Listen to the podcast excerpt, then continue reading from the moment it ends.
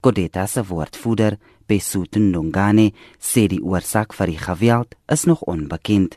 We went to Delft in all the three ranks in Delft. We are also scheduled to visit the rank in Weinberg just to make sure that there is minibus taxi visibility. And we want to send a very strong message to the perpetrators because this thing is really affecting our business. Our risk profile is not improving because we are viewed as a high risk industry. It also uh, weakens uh, the investor confidence in our business. And that is why we are taking this thing very seriously and we are saying this must come to an end. We don't want to see anyone dying. Kata se woordvoerder, Andile Siyamo, sê hulle werk daaraan om 'n permanente oplossing vir die probleem te vind. We are send a condolence of the families. They are affected on this particular scene and also the community itself and also we can't sleep until we find a solution of this problem because we don't want anyone must kill each other. Taxi pendelaar sê hulle vrees vir hul lewens.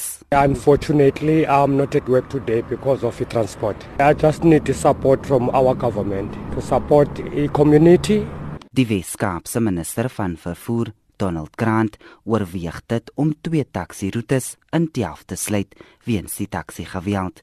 Die minister se woordvoerder, Sepesishle Dube, sê openbare sittings oor taksi-verenigings se optrede in Delft word ook beplan. Which indicates his intention to implement extraordinary measures which could include the closing of certain routes or cancelling certain operating licenses opened for comments and the comment period closed last week Friday. Also what is happening concurrently is a separate set of hearings, including all the taxi associations that operate outside of Delft. So there's no decision that has been taken yet. Die taksiverenigings gaan binnekort met die Wes-Kaapse regering vergader om 'n oplossing vir die geweld te vind.